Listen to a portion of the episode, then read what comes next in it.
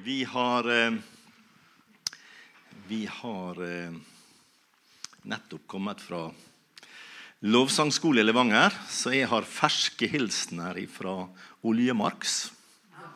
Jeg har det, vet du. Dem traff jeg. Og så traff jeg hun eh, svigerdattera, som hun Sofia. Fantastisk lovsanger, vet du. Hun var litt med oss på skolen og, og sånne ting. Eh, jeg visste ikke hvem hun var, vet du, så satt hun seg til pianoet. så kjente vi himmelen komme. vet du. Satt oss og til pianoet i morgen. Så satt jeg og kjente Wow! Sannelig Gud er på dette stedet. Mm. Fantastisk, vet du. Nei, det var sterkt. Det var en sterk opplevelse. Det var det. Jeg skal Lovsangskole er faktisk uh, det tiende året vi lager lovsangskole i Levanger. Det vil si det har vært ett Jeg tror det var ett år Ett år under koronaen. Da kunne ikke vi, kunne ikke vi ha det. Året etterpå så hadde vi det. Og uh, du vet de er rause i Levanger. Det er en raus gjeng. Så eh, av 24 elever så var det 16 som reiste hjem med korona.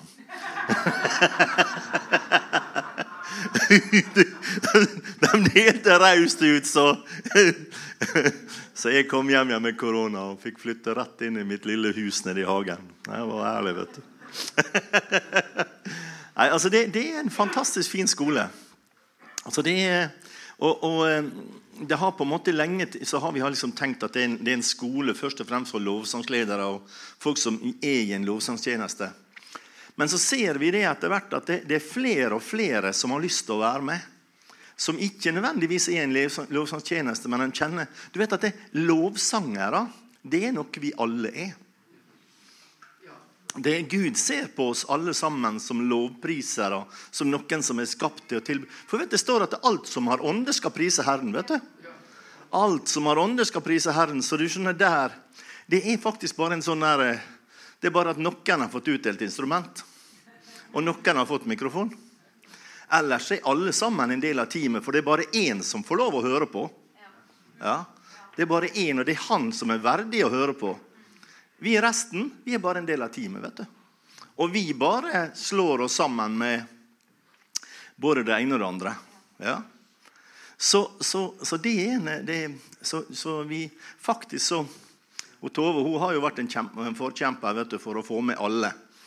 Så eh, Vi sitter jo på, i en menighet for noen år siden sitter vi i en menighet, og så begynner hun å fortelle at vi skulle på lovsangskole i Levanger da og da. Og Så kommer det noen menighetsledere bort til henne og så sier hun, vi vil gjerne sende med noen av lovsangerne våre på denne lovsangskolen. Fordi det, jeg tror det har vært fint, og sånn og sånn, og de la ut. og sånne ting. Så ser hun Tove på dem så sier hun, dere skal ikke komme, dere. da. Dere skal ikke bli med på skolen, dere. Du skjønner det at det, det er veldig ofte det er bra å ha folk som sitter i menighetsledelse som driver og leder møter og gjør forskjellige sånne ting. Kjempefint at vi har en innsikt i det som har med lovsang og tilbedelse å gjøre. En større forståelse av hvordan det fungerer. og sånne ting. Så du vet, Det endte opp at ingen av lovsangerne til denne menigheten kom. Men dette lederparet de kom. og de var på skole og var kjempebegeistra. Sånn er det. Dette her eh, Det jeg skal snakke om i dag. Det heter 'Hva er lovsang egentlig?' Får vi den oppå der, tror du? Ja. Gjør et forsøk. Det kom egentlig som en sånn her eh, Hva jeg skal si? Jeg ble invitert til å komme, komme hjem eller på et landsmøte faktisk for, en, for et kirkesamfunn. Vi inviterte å komme dit å ha et seminar. Og seminaret det skulle hete 'Lovsangens plass i menigheten'. Og Jeg syns det var et artig tema. og sånne ting. Og så jeg, jo, jeg fikk jo vite det på, i lang tid på forveien. vet du. Så dermed så hadde jeg god tid til å forberede meg. Så jeg gikk rundt og ba vet du, og smatta på dette der. og Kjente liksom lovsangens plass i menigheten. Helligånd, hva er det for noe? Hva, skal jeg snakke om da? Hva skal jeg ta tak i da? Han holdt på noen uker. Så en dag jeg sitter og ber over dette, så opplever jeg hellige ånd sier til meg Jan, spørsmålet er feil. Spørsmålet er feil. Og jeg tenkte Jeg kan ikke si det sånn uten videre. Skal jeg liksom ringe tilbake igjen til dem oppe i ledelsen for kirkesamfunnet og si at spørsmålet er feil? Jeg kan ikke gjøre det sånn uten videre. Så jeg gikk fortsatt og ba liksom en hellig ånd. Kan du vise meg litt om det allikevel? Liksom, spørsmålet, Hver gang jeg tenkte på det, så var spørsmålet var feil. Men jeg forsto hva de mente. Jeg forsto hva de mente, så jeg snakka litt om det. Men spørsmålet er ikke lovsangens plass i menigheten. Men spørsmålet er egentlig menighetens plass i lovsangen. For alt som har ånde, skal prise Herren. Trærne og blomstrene og bølgene og vinden og fjella og sola og stjernene og alt sammen, det tilber Gud dag og natt. Dag og natt. Alt i naturen. Alt som vi ser rundt oss, alt som vi ferdes iblant, det priser Gud. Det løfter opp Hans navn. Det løfter opp Skaperen. Det er et bilde på hvem han er, og alt det fantastiske han har gjort. Og så blir spørsmål menighet, vil du være med? Vil du være med og tilbe Gud? Skal vi være med? Jesus han sa det, vet du, at det, hvis disse tider, så skal steinene rope. Folkens, jeg foreslår at vi vestlendinger vi er veldig flinke til å prise Gud. For begynner disse fjellene rundt her å rope. Det skal bli litt av et styr. Jeg bare sier. Så eh, her med advart. Men eh, det førte meg faktisk videre og videre. Hva er lovsang egentlig? Hva er dette her med tilbedelse? Hva er det for noe egentlig? Og eh, Av og til når du skal svare på hva en ting er for noe, så er det lurt å snu det på hodet. Og så spør du om hva det ikke er for noe. Så da sier jeg at lovsang det er ikke noe vi gjør fordi at det er inn i tida. Noe som er på en måte det, det er noe som nå er blitt veldig moderne i menigheten, og sånne ting, så derfor gjør vi det. Det er faktisk ikke noe nytt i det hele tatt. Det er veldig gammelt. Det er ikke fine ord og feite akkorder. Det er, selv om det, det er både fine ord og feite akkorder, men det er ikke det det egentlig er. Det er ikke noe vi gjør for å skape god stemning til taleren skal på. Selv om det er at de fleste som uh, forkynner litt, de forstår at det, det, er noe helt annet å gå på mens det har vært litt lovsang og litt sånne ting, enn å gå på når det er at det ikke har vært det. Det er ikke noe som den moderne eller nye menigheten har funnet på. Og hvis du glemmer alt dette her, så husk denne her. Veldig viktig å få med seg. Det kommer ikke fra USA. Det kommer ikke engang fra Australia. Og ikke kommer det fra England, og ikke kommer det fra Israel. Og så blir spørsmålet hvor kommer det fra? Hvor begynte det hen? Og vet du Når jeg stiller det spørsmålet, så har jeg fått mange svar. Men eh, som regel så må vi lenger bak. Vi må lenger bak i tid. Vi begynner med blanke ark og fargestifter til. Det gjør vi. Vi begynner den gangen Faderen og Sønnen og Den hellige ånd var sammen et eller annet sted. Det var før de skapte noen ting som helst. De hadde ikke skapt jorda. Gud hadde ikke sagt 'bli lys'. De var bare sammen et eller annet sted. Og hvor de var sammen, det vet jeg ingenting om. Men eh, der de var, der hadde de det fantastisk godt. Lovsangen begynte nemlig i fellesskapet mellom disse tre. Lovsang handler i bunn og grunn om fellesskap. Det handler om å være sammen med Gud. Det handler om å være sammen i Sønnen og Den hellige ånd var sammen. De satt neppe og sang til hverandre. Det var liksom neppe slik at det, Faderen og Sønnen sang til Den hellige ånd. Vi opphøyer deg, vi opphøyer Jeg tror ikke det var sånn det, var, det virka. Jeg tror de rett og slett bare levde sammen. Og ga til hverandre. Det er en som har sagt det at det, det fullkomne kjærlighetsfellesskapet det er der Faderen og Sønnen gjør alt for å glede Den hellige ånd. Det er der Den hellige ånd og Faderen gjør alt for å glede Sønnen. Det er der Sønnen og Den hellige ånd gjør alt for å glede Faderen. Høres ut som en bra plass å bo, eller? Fantastisk. Og med dette her, der tror jeg lovsangen oppsto. Det fellesskapet mellom disse tre. Som kjente hverandre som hørte hverandre, som så hverandre, og som elska hverandre. Alle var opptatt av at de andre hadde det godt. Din lykke er bedre og viktigere enn min lykke. Ingen behøvde å tenke på seg sjøl. For alle ble tatt vare på av de andre. Kjærlighetsfellesskapet. Lovsangen. På engelsk så blir faktisk mange ganger lovsang betegnet som 'the love song'. Kjærlighetssangen. The love song to Jesus. De var sammen, og de beundra hverandre. Og de løfta hverandre opp. Jeg vet ikke helt hvordan de gjorde det. Men at det var bra, det er, ikke, det er helt overbevist om. En dag så kommer sønnen til faderen og så sier han, 'Pappa, jeg syns det er kjempefint å bo her og være her sammen med det og Den hellige ånd.' Ja, sier faren.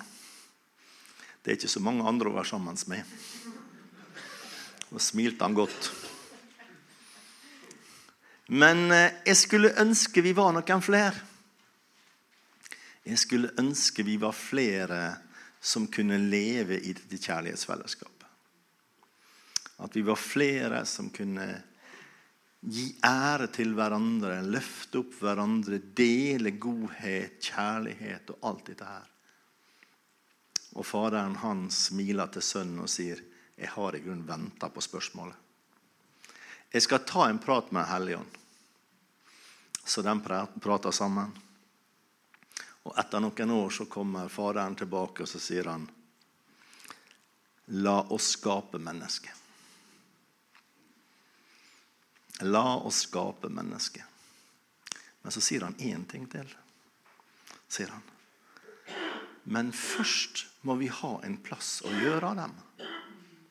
Først må vi ha en plass der vi kan bo i sammen. Har du tenkt på det?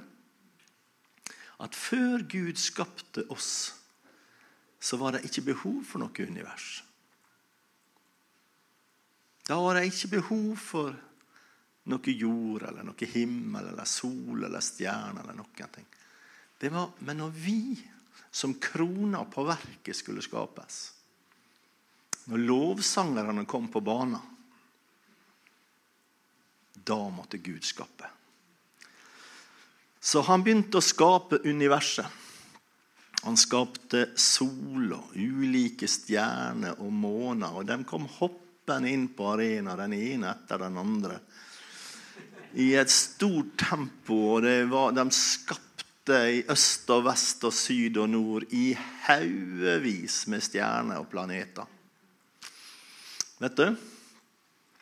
Gud han sto i himmelen Og så skapte, jeg, tror han, jeg tror ikke han skapte ei og ei stjerne eller en og en planet. Jeg tror rett og slett han bare tok, tok galakser. Bare skapte, vet, I en galakse så er det mange milliarder av planeter. Sant? Så jeg tror bare han gjorde sånn altså, Der borte skal jeg ha 25 milliarder galakser. Og så bare bang, og så var de der. Ja? Og der borte skal jeg ha 15 milliarder galakser. bang, og så var de der. Og der nede skal jeg ha 35 milliarder galakser. bang, og så var de der. Og så holdt han på en hel dag. Har dere regna ut hvor mye jeg har skapt på under et minutt? Jeg har skapt 75 milliarder galakser på under et minutt. For det står at Gud han talte, og det skjedde. Han bød, og det sto der. Sånn holdt han på. Han bare skapte i vei overalt. For lenge, lenge siden så satt jeg på flyet. Dette var i den tida man fikk ei avis når man gikk på flyet. Så så lenge er det siden. Det er litt etter skapelsen, men jommen ikke langt unna. I hvert fall så hadde jeg fått Aftenposten, og jeg satt på, på, på flyet der og leste Aftenposten.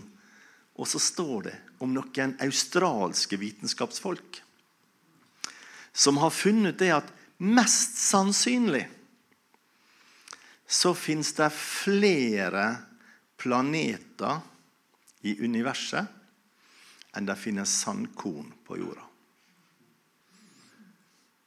Jeg skal si det en gang til, for jeg ser at du trodde ikke det. Jeg er ikke sikker, jeg heller. Men i hvert fall det der sto i avisa. Det fins antageligvis, altså mest sannsynlig, flere planeter i universet enn det finnes sandkorn på jorda. Så det er en del. For jeg har flydd over Sahara. Jeg har hatt med meg barna, og vi har bada på vestkysten av Danmark. Du følte du fikk et helt univers med sand inn i bilen etterpå. Ja, ja, men. Så når Gud drev på og skapte, så skapte han og skapte og skapte og skapte. Og til slutt så laga han en liten planet og den ble kalt for jorda. Og der ble han Adam skapt. På denne bitte lille planeten. Nå har jeg ikke så veldig mye greie på sånne planeter og størrelser, og sånne ting, men eh, jeg har blitt med fortalt at eh, hvis jorda er på størrelse med et knappenålshode, så er den største planeten som er oppdaga så langt, den er på størrelse med var det ei eller var det to fotballbaner. Uansett om det var ei eller to, så var det fryktelig stor forskjell. Tenk på det, da.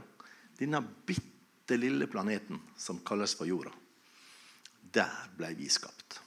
Der ble vi satt. Han, eh, Adam han ble eh, skapt utafor hagen, og så ble han satt inn i denne hagen som Gud laga, der han satt masse dyr og masse forskjellige ting. Og så står det det at det, hver aften når skyggen ble sval, så kom Gud ned i hagen. Og da var han Adam klar. Da sto han. Jeg opphøyer deg, jeg opphøyer deg, jeg opphøyer deg, du min Gud. Tror du det? Jeg tviler jo. Jeg står ingenting om det. Og Dessuten er ikke denne sangen så gammel. Så, men det det står, det står at da gikk Gud og han Adam rundt i hagen. De gikk rundt i hagen og samtalte sammen. Det skulle vært veldig interessant å vært flue på veggen i de samtalene. Men vet du, jeg tror det de da gjorde, det var rett og slett at de delte hjertet med hverandre. Prata med hverandre. Hadde fellesskap.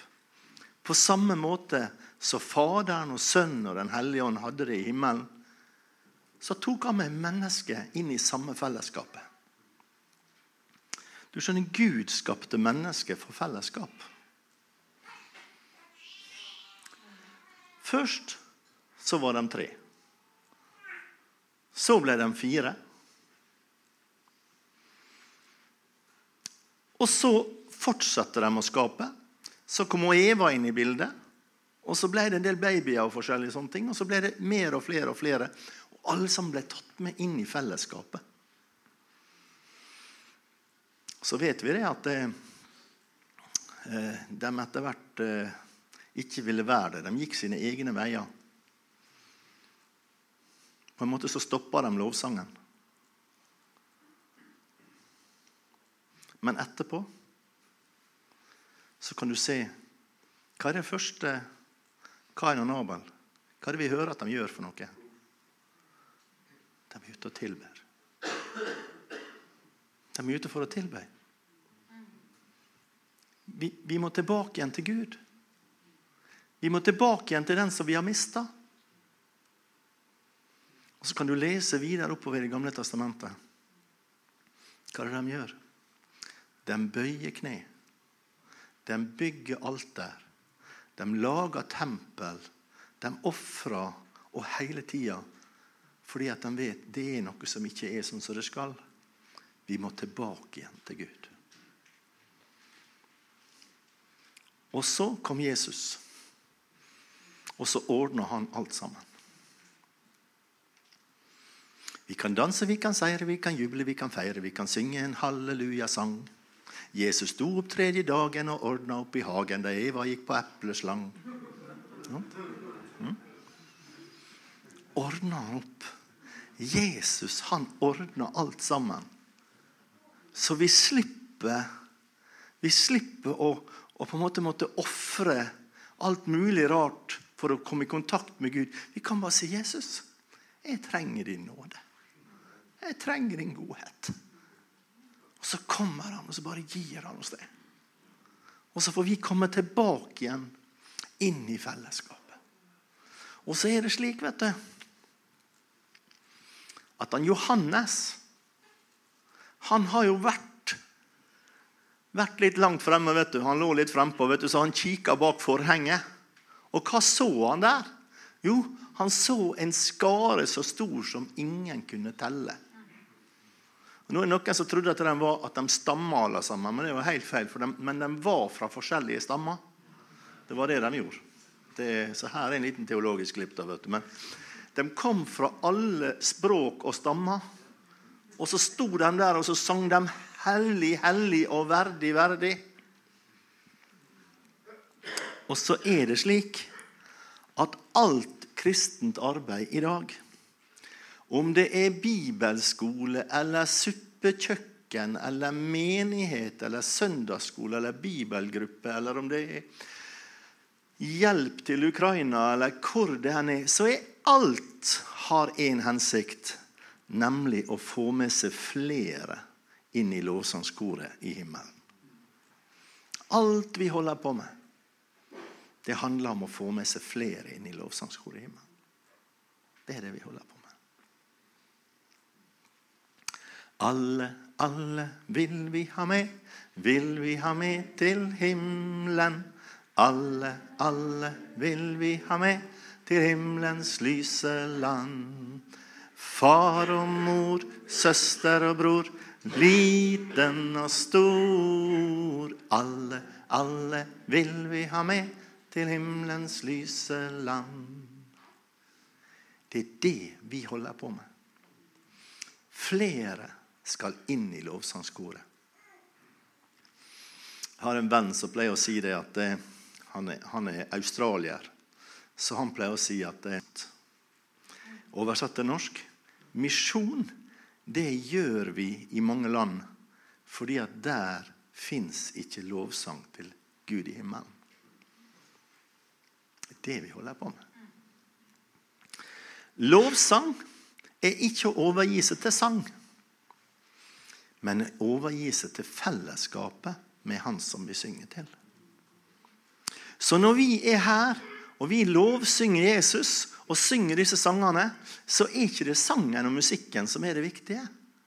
Men da tar vi det dyreste vi har. Det mest verdifulle vi har. Vet du hva det er? Det mest verdifulle som fins på jorda. Det mest verdifulle som fins på jorda, det er tid. Mm. Tid er det mest verdifulle som fins på jord. Penger, det er bare tid i et annet format. Dette kan du tenke på en annen dag. Vi kan gå videre. I Levanger der har de et vers som er, er liksom en sånn her eh, Jeg må jo fullføre hvorfor jeg sier det med tid. Det var jo fordi at eh, vi tar det mest verdifulle som fins, og så bruker vi det på Jesus. Så kommer vi sammen i menigheten, så tar vi det mest verdifulle vi har. Tid. Og så setter vi det av, så sier vi, 'Jesus, dette vil jeg bruke på deg.' Jeg vil gi tida mi til deg. Jeg vil gi denne tida som vi nå er, der vi synger til deg, den vil jeg gi til deg. Og så forteller jeg hva jeg syns om deg. Og Så kan jeg gå videre. Et av eh, de versene som de er veldig glad i i Levanger, det er Håkon, et av Håkon sin yndlingsvers. Det står i 1. Korinterne 1,9. Og der står det Gud er trofast. Han som kalte dere til å ta opp kollekten. Han som kalte dere til å undervise. Han som kalte dere til å være pastor, være lærer. Han som kalte dere Nei, det står jo ikke det. Der står det at Gud er trofast, han som kalte dere til fellesskap med sin sønn Jesus Kristus, vår Herre. Han er trofast, han som kalte oss til fellesskap. Fellesskap kalte han oss til.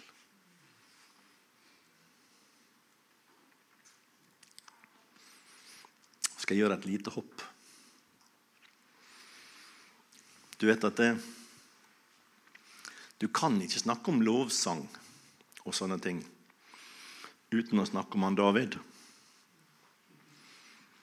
Jeg er så glad for at han fikk tatt et bilde av han før han døde. Jeg liker så godt frisyra. Og hårfargen. Så det er derfor ikke jeg går og klipper meg, vet du, Jan Tore.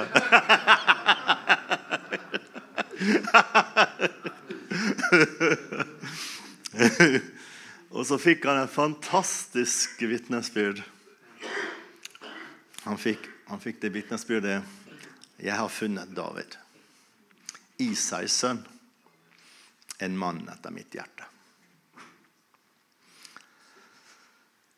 Og så er det slik at det, Når vi hører denne setninga der, så er det ofte det at vi begynner å tenke på alle disse tinga her. Gutten som drepte Goliat, og kongen over Israel, og musikeren som spilte så demonene måtte fly. En mektig kriger og hærfører. Israels lovsanger. Han som ville bygge tempelet, som samla inn omtrent alt materialet han trengte til tempelet. ikke sant? Og så tenker vi er det rart.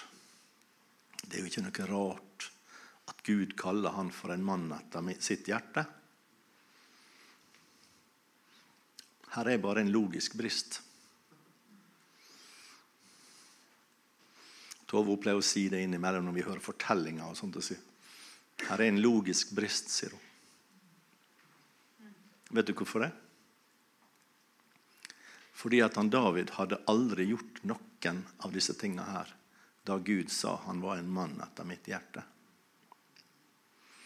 Da Gud så sa det til han, om han David at han var en mann etter mitt hjerte, så var han bare en liten gutt.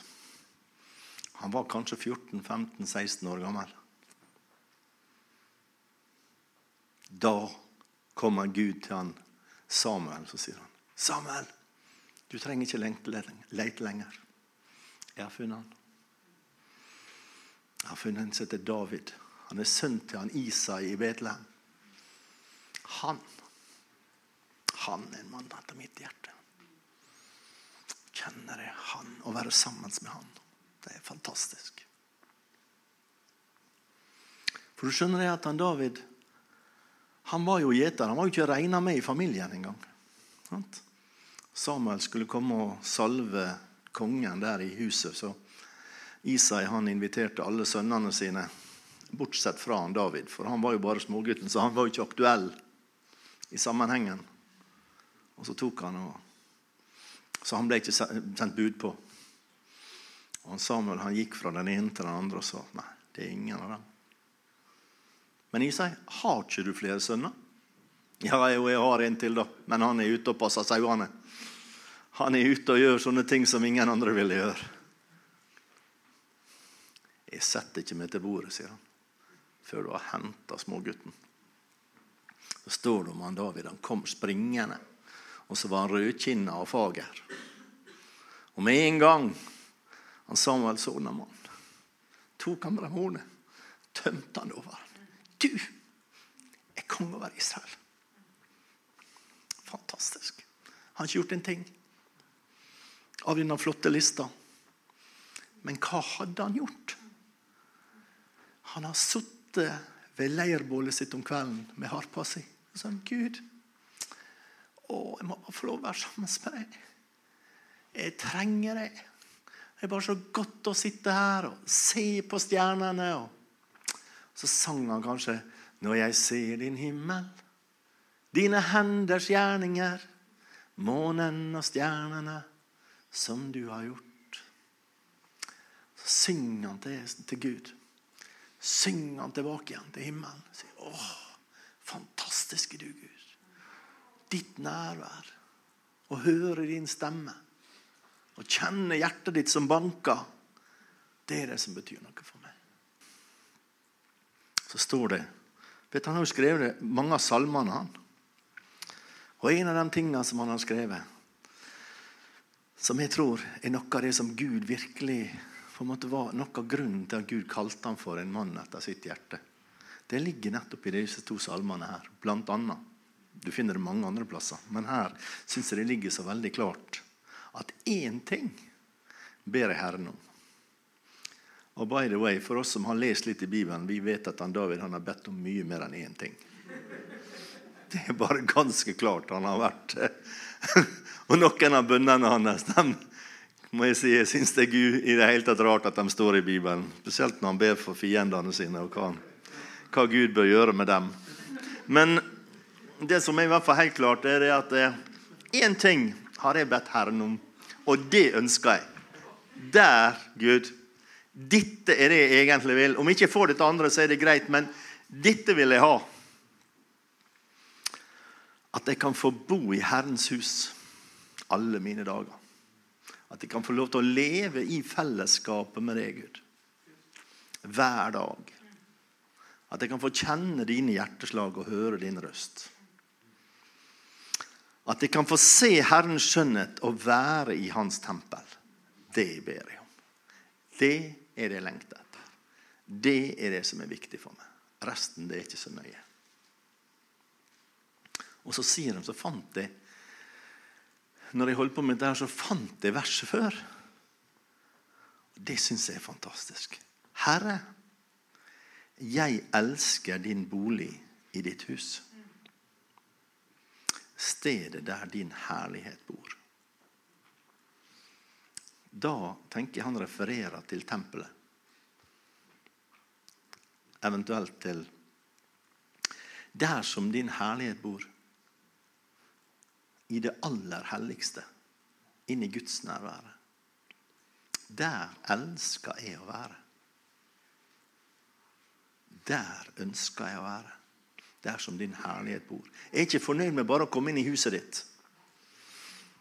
Jeg er ikke fornøyd med bare forgården, jeg er ikke fornøyd med bare det hellige. Jeg skal inn i det aller helligste. Der som din herlighet bor. Der ønsker jeg å være. Noen som husker hva det første David gjorde etter han hadde blitt konge over Israel? Etter at han hadde fått fred på alle kanter. Hva gjorde han David da? Hva første han gjorde? Noen som husker det? Nå har Tove lært at hun ikke skal svare.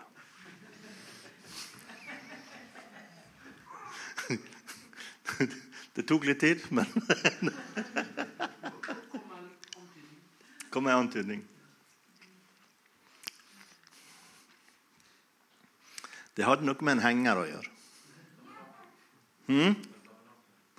Ja, vi er inne på noe. Det var noe med en henger. Ja, den kommer, halleluja. Guds ark, den kommer denne vei. Og ja, den kommer, halleluja. Guds ark, den kommer denne vei. Det første han gjorde, det var han sa. Det er fantastisk. Nå har vi fått fred på alle kanter. Men vi må ha Guds nærvær inne i Jerusalem. Det kan bare være det samme hvis ikke vi har Guds nærvær. Det kan være så fin sang, det kan være så fin musikk, det kan være de hippeste låtene, det kan være det beste utstyret, det kan være alt sammen. Men hvis ikke vi har Guds nærvær, så er det ikke verdt noen ting. Om det er den ene stilen eller andre stilen eller tredje stilen eller hva det er for noe, hvordan vår lovprisning er, om man er aldri så flott hvis vi ikke har Guds nærvære iblant oss, så er det ingenting. Og så reiste han og så henta de paktsarken. Og så gikk det litt skeis første gangen, for de tok med seg vogn og satte han oppå. Men du skjønner at det gikk ikke. vet du, for hest, Når disse her, ikke hestene, men oksene ble villstyrende, så Ussia, stakkar, han tok ut hånda si for å holde på arken. Falt han død om. Vet du hva de gjorde da? Da ble det ganske kleint, forsamlinga der. En døde liksom midt oppi gleden, og David hadde dansa i beste fall i underbuksa foran der, foran arken. ikke sant? Og så, og så skjer dette her. Da måtte de hjem. Og så måtte de finne frem bokrullene. Og så måtte de finne ut Bruks Owners Manual for ark måtte de rett og slett gjøre. Finne, hvordan flytter vi en ark? Og så fant de ut det at jo, det måtte gjøres for gudsnærværet måtte bæres på skuldrene til levittene når de gikk. Da, Slik kunne de flytte paktens ark. Og så fikk de en, en sjanse til. Og så flytta de arken til Jerusalem. David hadde bare et lite problem. Det er 30-40 år til tempelet blir ferdig. Hva gjør vi da? Da bygger vi et telt. Rett og slett. Vi må ha en plass å gjøre av utstyret. Vi bygger et telt. San David han bygger et telt. Rett og slett. Han skulle jo stå bak et forheng og alt dette her. Men der, når de satte paktens ark midt i det som kalles for Davids tabernakel, da gjorde han, tror jeg han David hadde fått en åpenbaring. Han visste hva Gud likte. Og så tok han alle levittene. Så delte han dem inn i skift. Og så sier han nå skal vi prise Gud. Dag og natt. 24-7. Så sto alle sammen. Disse her, Jeg vet ikke hvor mange skift det var, men det var 4000 levittsangere og musikere. Og De ble delt opp i forskjellige skift. Og Så sto de der, og så sang de. Og så priste de Gud foran paktens ark. Og det var det som gjorde at de overlevde. Rett og slett. For dette var ikke lov. Var de der? Priste Gud. Natt og dag. Fellesskap. Ansikt til ansikt. Så på en måte kan du si at han David han hadde Det nye testamentet i det gamle. Mm. De var der for Guds ansikt, foran arken. Priste Gud av all makt, natt og dag. Der ble lovsangstjenesten starta. Der begynte det. Så skal jeg snart uh, slutte. Men jeg er nødt til å si én ting. For der står et ord i Det nye testamentet. I apostelgjerningene, det 15. kapittel og det 16. vers, så står det om 'i den siste tid'. Og Jeg vet at dette her betyr mye. Det betyr mange ting, dette her verset. her. Men det står bl.a. at i den siste tid så skal Gud gjenopprette Davids falne hytte. Og veldig mange bibeltolkere og lærere de sier Davids falne hytte. Det var det teltet der han satt. Arken midt i. Det som sto i bakgården hans, på palasset hans. I den siste tid skal han gjenopprette det. For der var mennesker ansikt til ansikt med Gud. Er ikke det flotte tabernakelet som Moses fikk bygd ute i ørkenen? Var ikke det han ville gjenopprette? Var ikke det fantastiske byggverket av et tempel? Det var heller ikke det. Men det var dette enkle tempelet, enkle teltet, der Gud snakka Der de snakka ansikt til ansikt med Gud. Det var det. David han var en mann etter Guds hjerte. Rett og slett fordi han bare var sammen med Gud. Han bare var sammen med Gud. Han la seg til ved siden av bålet sitt, og så var han sammen med Gud.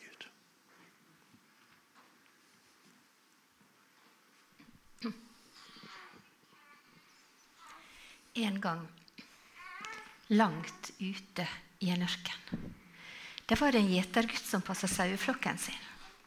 Når kvelden kom, så um, fant han seg en grop der han kunne sove om natta.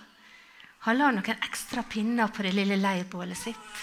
Så etter at sauene hadde det bra, og så tok han kappa rundt seg og la seg ned i senga. Og så kikka han opp på stjernene. Kjære Gud, sa han rett ut i lufta. Hvis du var et lam, da skulle jeg passe på at du ikke frøs om natta. Og hvis du hadde gått til vill i ørkenen, skulle jeg lete etter det helt til jeg fant det. For så høyt elsker deg. Og Gud, hvis, du hadde knokket, hvis, du hadde, hadde knokket foten din, da skulle jeg båret over sanddynene. Og hvis du hadde vært nysgjerrig og snust på en kaktus og fått torner i snuten, da skulle jeg ha tråkket deg ut så forsiktig at du nesten ikke merker det. For så høyt elsker jeg. Han kikka bort på sauene sine. Jo, de lå rolig og sov.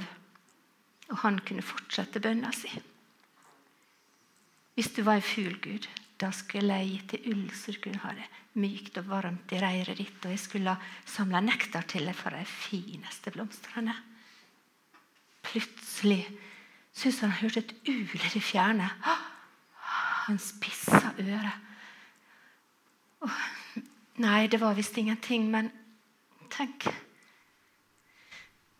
Tenk om Gud Kjære Gud, sa han stille. Hvis du var en sulten ulv, da skulle jeg gitt det ett av lammene mine å spise. For så høyt elsker jeg det. Nå var det en lærd ute og gikk i ørkenen denne kvelden, og han ble forundra når han hørte en menneskestemme der ute. Og Nysgjerrig gikk han for å finne ut hvem det var. Snart fant han den lille leirplassen og gutten. Og gutten ble glad. Det var ikke ofte han så folk her ute. Så han kravla opp og gjorde plass til den lærde ved siden av seg ved bålet. Der jeg hadde snakka sammen en stund, sa den lærde. Jeg kunne ikke unngå å høre at du ba og jeg må si at det var en litt eh, spesiell bønn. Jeg kan mye om bønn. Og hvis du har lyst, så skal jeg lære det, så du ikke risikerer å forulempe Herren med å kalle ham for ulv og andre upassende ting. Jo, gutten ville gjerne lære. Og den eh, lærde sa at vi må forberede oss. Vi trenger levende lys, og så må vi ha skriftene våre. Og Så viste han skriftene til gutten, og gutten kikka han. Ja, han syntes det ligna fuglespor i sanda. Han forsto ingenting. Og den lærde demonstrerte hvordan man skulle knele og stå og folde hendene riktig. Gutten fulgte godt med. Ja, sa den lærde, eh, bønnen er en kunst, og du må øve mange timer hver dag. Men du skal nok få det til etter hvert, skal du se. Det begynte å haste for den lærde å komme inn til byen, så han tok farvel med gutten og fortsatte på reisa si. Og gutten han la seg ned i sanda, og det var vanskelig å sovne. Han vrei på seg, og ikke hadde han lyst til å be heller. Han kunne ingen vanskelige ord eller fine formuleringer. Og ikke hadde noe han lyst til å forulempe Herren. Og fra den kvelden ba ikke gutten mer. Inn i byen gikk livet som vanlig for den lærde. Om dagen underviste han Guds ord, om natta sov han den rettferdige, søte søvn. Men en natt hadde han et forferdelig mareritt. Han drømte at lyset smelta, og at Skriftene ble revet stykker og blåste bort med vinden, og at han ikke klarte å folde hendene riktig. Og over alt sammen hørte han en stemme som sa, 'Vil du ta fra meg et uskyldig barns bønne?'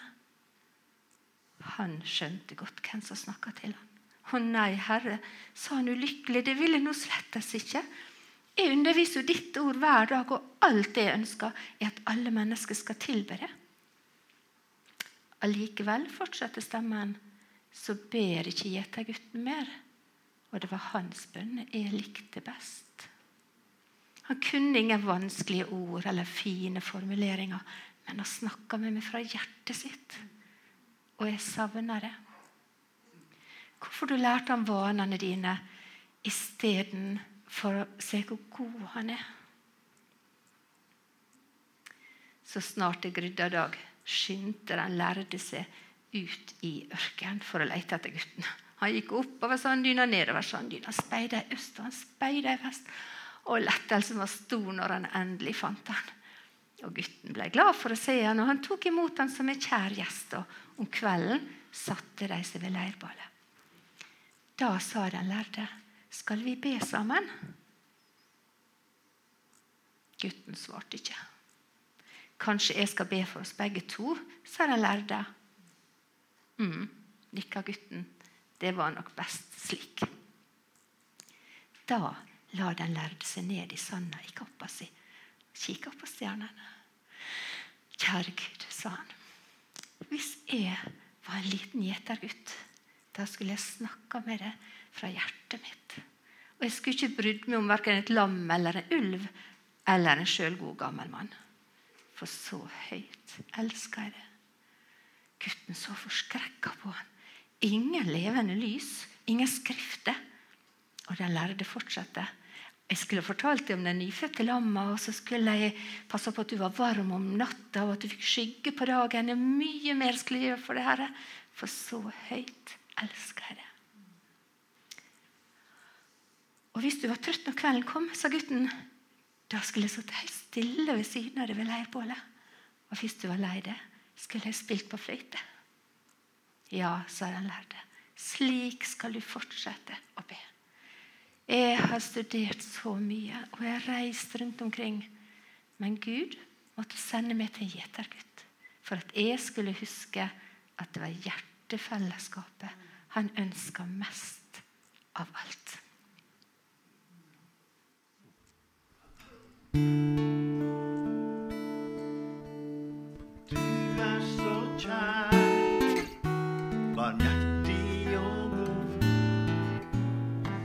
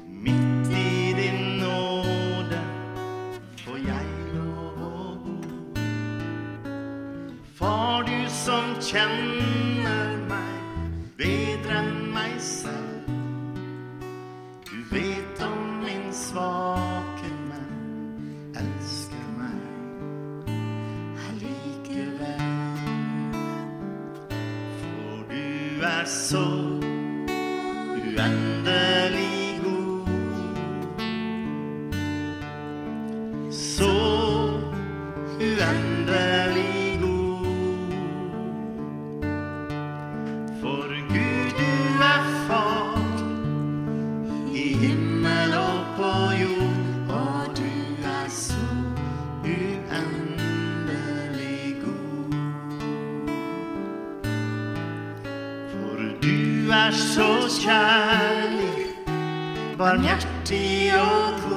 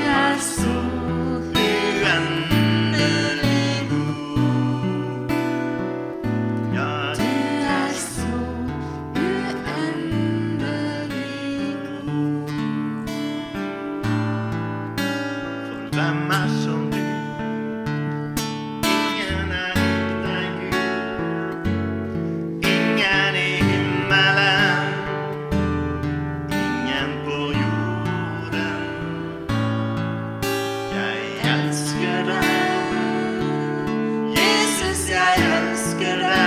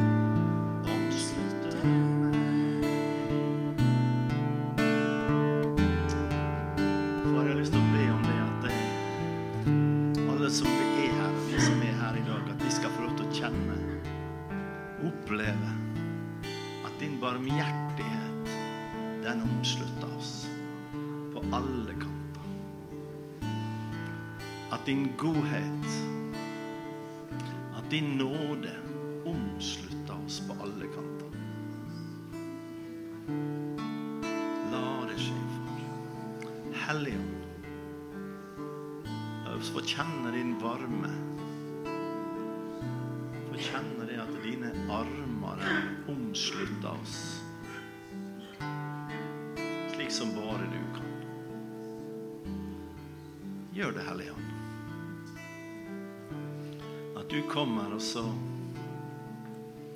helbreder du knuste hjertet.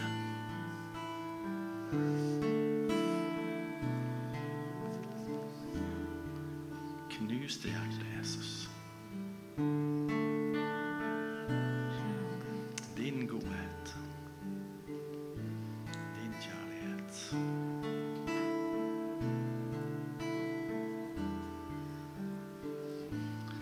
Gud, din kjærlighet, den rekker til skyene. Din barmhjertighet, den tar av.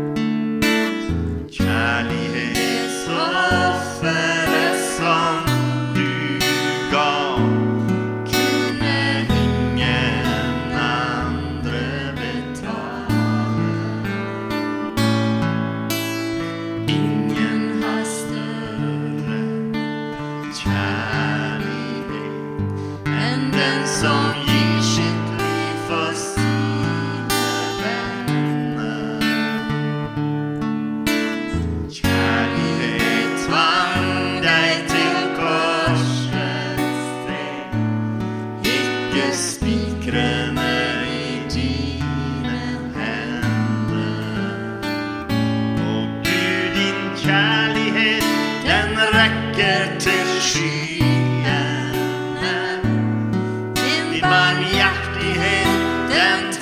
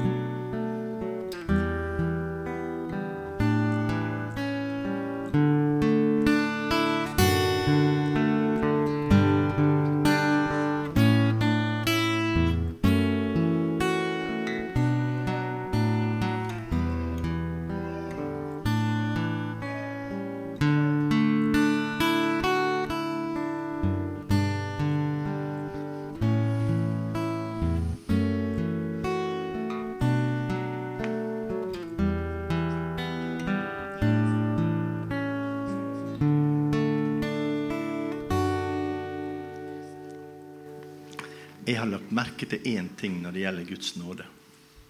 Den er helt underlig. Og Det er det at det, når noen andre trenger Guds nåde, da er han vanvittig svær. Da er det ingen begrensning. Men når jeg trenger han, da er det bare så vidt det er kran som drypper.